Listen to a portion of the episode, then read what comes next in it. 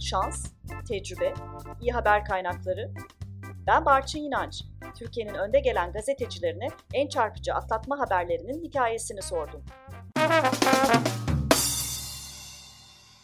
Herkese merhaba. Işın Eliçin'le beraberiz. Atlatma Haber'de ilk kez Türkiye sınırları dışında, yurt dışında yapılan atlatma haberciliği konuşacağız Işın Eliçin'le. Ama öncelikle Işın'a gazetecilik sevdası ona nasıl bulaştı ve kariyerinde nerelerden geçti onu sormak istiyorum. Işın merhaba. Merhaba. Ee, senin gazetecilik hikayen nedir? Çok hızlı anlatayım. 1993 senesinde Harper's Bazaar dergisinde çalışmaya başlayınca medyanın içine girmiş oldum. Ondan önce Boğaziçi Üniversitesi'nde felsefe bölümünde master yapıyordum ama ekonomik durumum çalışmamı gerektirdi ve daha önce yayıncılık tecrübem olduğu için iletişim yayınlarında böyle bir fırsat çıktı. Ben de girdim. Ondan sonra dergi grubunda birkaç dergide daha çalıştıktan sonra Yeni Yüzyıl gazetesinde bir süre çalıştım. 1997'de BBC Türkçe servisinin sınavını kazanıp Londra'ya gittim dünya servisinde. iki yıl orada çalıştım. Dönüşümde CNN Türk iki sene, sonra sekiz sene NTV. Oradan TRT Türk, IMC TV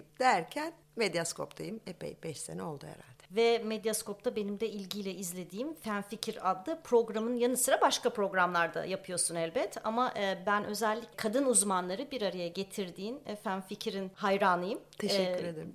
Buradan da bu programın fikir annesi e, ne de bir selam gönderelim değil mi? Tabii Nurcan Akad'ı söylüyorsun. Evet. Fikir annesi değil ama isim annesi. Öyle mi? Pardon. Fikir annesi, annesi benim ama o isim annesi. Tamam. Çok da güzel bir isim oldu gerçekten. Evet. Bize bu röportajda bir zaman makinesi eşlik ediyor ve seninle birlikte hangi yıla gidiyoruz ve hangi coğrafyadayız? 2000 sonu 2001 başına gidiyoruz. Ee, Orta Doğu'ya gidiyoruz. Filistin-İsrail çatışması üzerine. Çok e, ateşli, hararetli günlerdi. Habercilik için çok heyecanlı günlerdi. 2000 yılının yaz aylarında meşhur Camp David görüşmelerinde Arafat, Yasser Arafat'la İsrail dönemin başbakanı Ehud Barak bir araya gelmişlerdi Clinton'ın eşliğinde ama o görüşmeler yürümedi. O yazın sonunda e, Eylül-Ekim aylarında ikinci intifada patlak verdi. Neden patlak verdi? En azından bir sürecin sonucuydu elbette ama meşhur Ariel Sharon'un Harem-i Şerif'e yapmış olduğu bir ziyaret var. Bin kişi böyle e, güvenlik güçleriyle beraber. Onu bir provokasyon olarak hisseden e, Filistinlilerin gösterdiği tepki, protestolar büyüdü ve ikinci intifada patlak verdi. O süreçte e, 2001 yılına dönüldüğünde Ocak aylarında bir kez daha Barak ve Arafat görüşme yapmaya çalıştılar ama artık seçim takvimi işliyordu İsrail'de. Meşhur Ariel Sharon'un kazandığı 6 Şubat 2001'deki seçimleri kastediyorum. Ehud Barak seçimleri gerekçe göstererek görüşmelerden çekildi ve tam işte o seçimleri izlemek üzere e, ben o zaman CNN Türk'te çalışıyordum. Kameraman arkadaşımla beraber İsrail'e gittim. 6 Şubat'ta o seçimler Sharon kazandı. İşte zaten öncesinde de pek çok mülakat yapmıştım İsrail'de seçim sonuçlarına ilişkin. Batı Şeria'da, Kudüs'te Filistinlerle de konuşmuştuk. Ama Sharon kazandıktan sonra bütün gözler Yaser Arafat'taydı. Nasıl olacak? Bundan sonra Sharon gibi çok sert e, hani Şabra ve Satilla katliamının hani mimarı olarak bilinen bir İsrailli liderle Arafat bir araya gelecekler mi diye. Ee, peki hemen o bir parantez açmak istiyorum. Senin o zamana kadar yurt dışı tecrüben ne düzeydeydi? Biliyorum sözünü kestim ama Yok, çok biraz iyi da yaptın. senin e, o, o sıradaki konumunu anlamaya çalışıyorum. Şimdi ben de böyle dehşet içinde düşünüyorum. Galiba ilk ciddi yurt dışı deneyimim de ilk kez e, böyle bir haber için gidiyordum. Sonra NTV'de daha fazla yere gittim ama CNN Türk yani televizyonculuğumun da başlangıcı. O yüzden galiba ilkti. Belki ondan önce Avrupa Birliği ile ilgili bir zirve izlemeye sanıyorum Yunanistan'a gitmiştim evet yani da yurt dışı haberciliğinde öyle çok fazla tecrübe sahibi olduğu Hayır. bir dönem değil. Dolayısıyla tabii bu tür zamanlarda bizler daha bir hevesli oluruz değil mi? Evet. Ee, daha bir heyecanlı, daha bir e, atak. Peki senin sözünü kestim sen devam et. Aa, ben tabii o günlere döndüm o yüzden biraz heyecanla ve aralıksız konuşuyorum sanıyorum. Gerçekten de işte o seçim gecesi de işledikten sonra Tabii başka Türkiye'den, NTV'den de gelenler vardı sanıyorum. E, NTV'den de o sırada Mithat Bereket gelmişti aslında izlemek üzere seçimleri. Sanıyorum Mithat'ın kameramanıyla e, otelde mi karşılaştık ya da böyle bir resepsiyonda bu. Çünkü sonuçta gazetecilerin de bir araya geldiği ortamlar, resepsiyonlar da düzenleniyordu. Bu seçim sonuçlarını değerlendirdiği İsrailli yetkililerin falan. Orada konuşuldu. Öğrendim ki Mithat Bereket, e, Hasan Cemal'le, Hasan Cemal de o sırada Milliyet'te işte yazar. Beraber bir şekilde Arafat'ı görmeye gidecekler. Bu tabii benim için olağanüstü bir haber oldu bu haberi. Hemen konsolosluğu aradım, başkonsolosluğu. O zaman Hüseyin Avni Bıçaklıydı başkonsolos. Onunla görüştüm. İşte ben de katılabilir miyim? Böyle böyle duydum dedim. Ama sanırım Hüseyin Avni Bıçaklı beni biraz e, yani gelmemi çok istemedi açıkçası ve oyalamaya çalıştı. Büyük ihtimalle Mithat Bereket'e vermiş olduğu, tabii onlar kıdemli gazeteciler, Hasan Cemal'e vermiş olduğu sözler var. Sonuçta Mithat Bereket'in kurumu NTV ile CNN Türk, CNN Türk iki sene olmuş yayın hayatına gireli. Müthiş bir rekabet içindeler. Mithat da hani çok deneyimli bir gazeteci olarak elbette istemez. Onu da e, büyük ihtimalle başkonsolos biliyordu. O yüzden beni bir şekilde oyalamaya çalıştılar. Ama tabii bu beni vazgeçiremedi. E, gidecekleri günü e, öğrenmek için işte e, Büyükelçiliğe e, pardon başkonsolosluğun binasına gitmiştik kameraman arkadaşım işte oradaki güvenlik görevlisiyle biraz sohbet ederek öğrendim. 8'iydi iki gün sonraydı seçimlerden yanlış hatırlamıyorsam ya da bir üç gün sonra. E, sabahın köründe saati belli değildi çünkü. Valla böyle 6'da 7'de işte e, konsolosluk binasının önünde dikilmeye başladık biz kameraman arkadaşımla. Sonuçta bizi içeri aldılar. Sonra tabii ki artık orada bulunduğumuz için başkonsolos da bizi beraberinde yani Mithat'la Hasan Cemal'le beraber araçlarla Gazze'ye geçir. Tabii Gazze'ye geçirmek de olağanüstü bir serüven de. Evet bir de onu anla, anlamak gerekiyor. Çünkü Gazze'ye geçmek kolay olmuyor. Öyle hani çat kapı gidemiyorsun. Asla. Onun için zaten konsolosluğa bir konsolosluğun heyetine eklemlenmek durumunda e, hissettin Kesinlikle. kendini. Onun için de sabahın köründe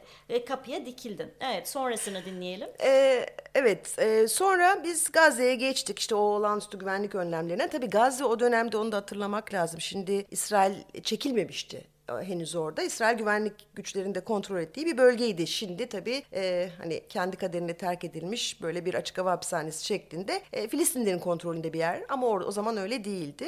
Arafat Gazze'deki e, resmi konutunda bizi karşılayacaktı. Neyse biz Gazze'ye geçtik ama saat kaçta görüşme olacak bu söylenmemişti. Güvenlik gerekçesiyle söylenmiyor dendi ve bizim beklememiz gerekiyordu. İşte biraz biz e, Gazze'li çocuklarla, ailelerle röportajlar yaptık, dolandık falan. Sonra bir kafede hep beraber oturup beklemeye başladık gideceğimiz, götürülmeyi beklemeye başladık yani. İşte o sırada ben özellikle Arafat'ın yardımcısı olan kişilerle yani bizi orada ağırlayan kişilerle Filistinlilerle e, arkadaşlık kurdum açıkçası. Bol bol sohbet ettim. E, kendimi sevdirdim sanırım biraz.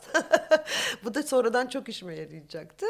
E, ve nihayet saat geldiğinde hava karardıktan sonra işte bizi o konutuna götürdüler. İşte içeriye girdik. Hepimiz e, telefonlarımızı her şeyimizi bırakıp işte e, Yasar Arafat'ın huzuruna çıktık. Fakat orada da Mithat yine e, kaçın kurrası diyesim geliyor. Kaçın kurrası ama senin yani e, girmene engel de olamamış yani Olamadı. odaya en azından. Şimdi odada bir takım engellemeleri denedi. Onlardan bir tanesi içeriye tek kamera alınsın. İşte Sayın Arafat'ı çok meşgul etmeyelim, kalabalık olmasın. Tabii çok büyük kameralar kullanılıyordu o zaman. Belki şimdi böyle cep telefonlarına küçük kameralara alıştık ama öyle bir şey söz konusu değildi. Devasa kameraları kuruyorduk yani sonuçta. Ee, ben hemen gene e, daha önce işte samimiyet kurduğum Arafat'ın yardımcısı olan e, Bey'e gidip ya dedim ki bu benim için çok önemli bir röportaj. Hemen bana o görüntüleri vermeyebilir. Biz de 24 saat haber yapıyoruz. Benim o görüntüleri e, alır almaz e, İstanbul'a geçmem lazım dedim. Çünkü e, yine araya giriyorum hani ben de CNN Türk'te çalıştığım için CNN Türk'le NTV rekabeti böyle hafif Fenerbahçe Galatasaray ezeli rekabeti gibi.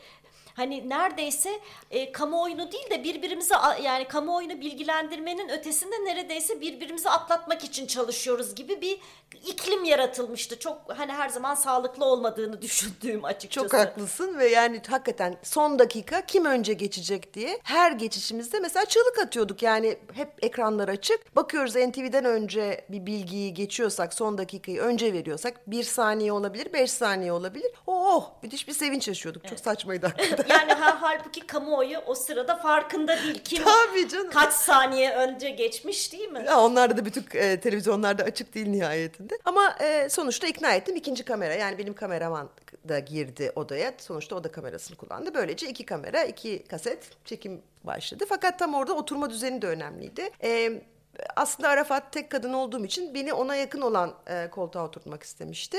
Fakat Hasan Cemal de ben yaşlıyım ama deyip o koltuğu tercih etti. Fakat onun da aslında Mithat için yapılmış bir jest olduğunu hemen anladık. Neden? Çünkü Hasan Cemal oraya aldıktan sonra Mithat'la son anda tam oturduğumuz anda ya istersen sen buraya gel deyip yer değiştirdi. Muhtemelen Mithat ondan rica etmiştir. Çünkü sonuçta Arafat'la beraber sanki özel röportajmış gibi görüntü alabilmesi için o kadar yakın olması gerekiyordu. Yani kamera zoom girerse Mithat sanki özel röportaj yapacakmış gibi olurdu ama e, kameraman da yani benim e, kameramanımla gayet iyi anlaştığı için onu çok yapmadı. Onu biliyorum ben. E, ve uzak plandan istedikleri gibi mülakatı yaptık. Şimdi buraya kadar iyi hoş. Sorularımızı sorduk. Hepimiz ayrı ayrı sorular sorduk. Hepsini yanıtladı Arafat ve bir müthiş bir heyecanla işte çıkıp haberlerimizi geçeceğiz. Ne dedi Arafat? Ee, sanıyorum işte 8 ya da 9'uydu. Bir kere 14 Şubat'ta yani işte 5-6 gün sonra Türkiye'ye geleceğini duyurdu. Bunu hemen söylemek istiyoruz tabii haber kanalına, merkeze ki haber olsun.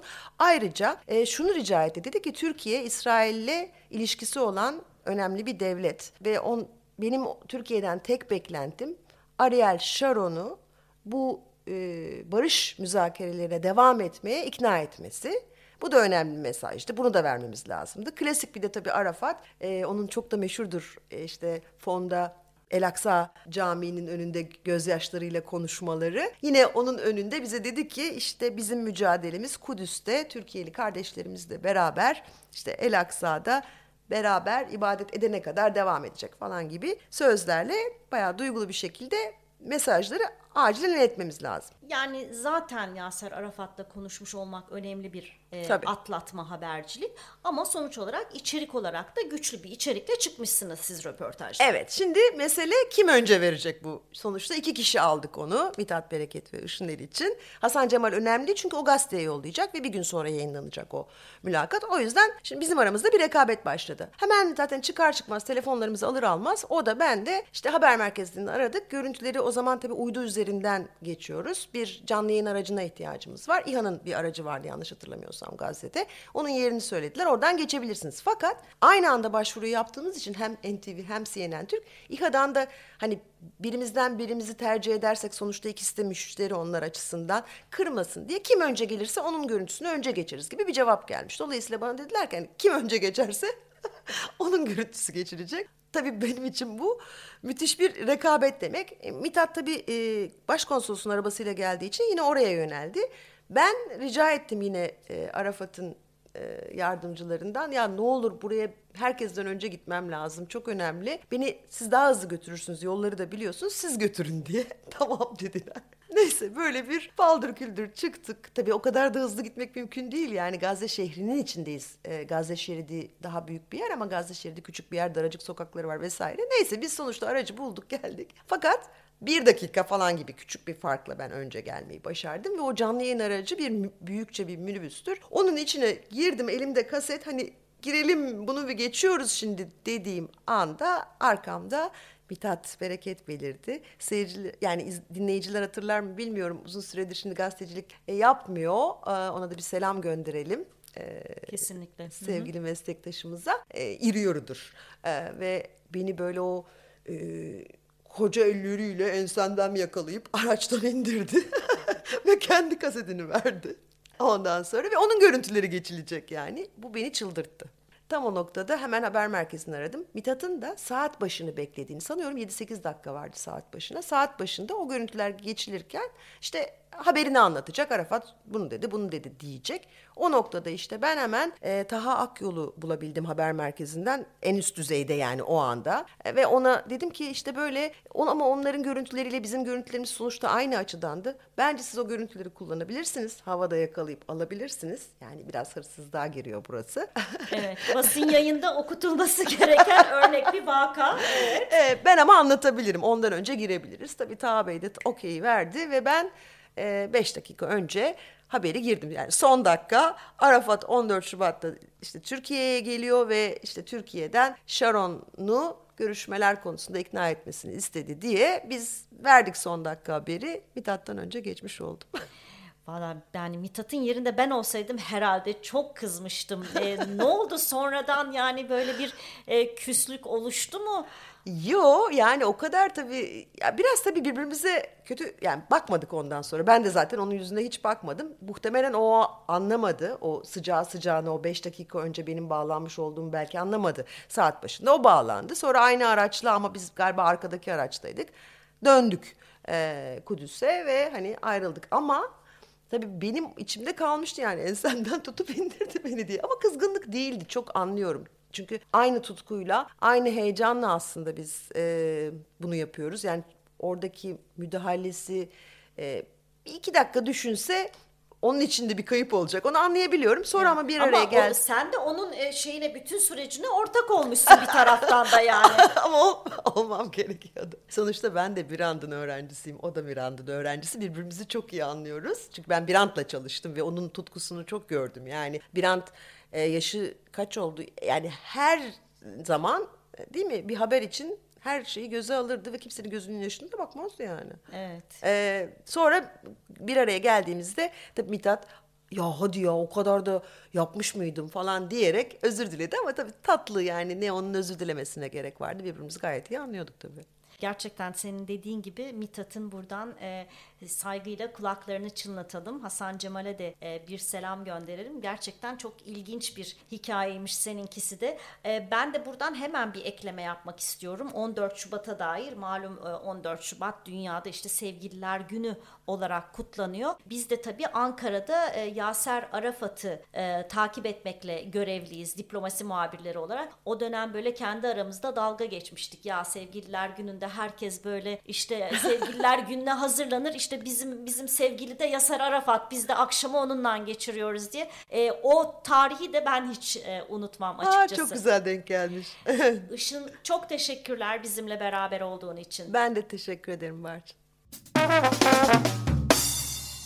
Atlatma Haber Podcast serisi Avrupa Birliği'nin maddi desteğiyle oluşturulmuştur ve sürdürülmektedir. İçerik tamamıyla Atlatma Haber kanalının sorumluluğundadır ve Avrupa Birliği'nin görüşlerini yansıtmak zorunda değildir.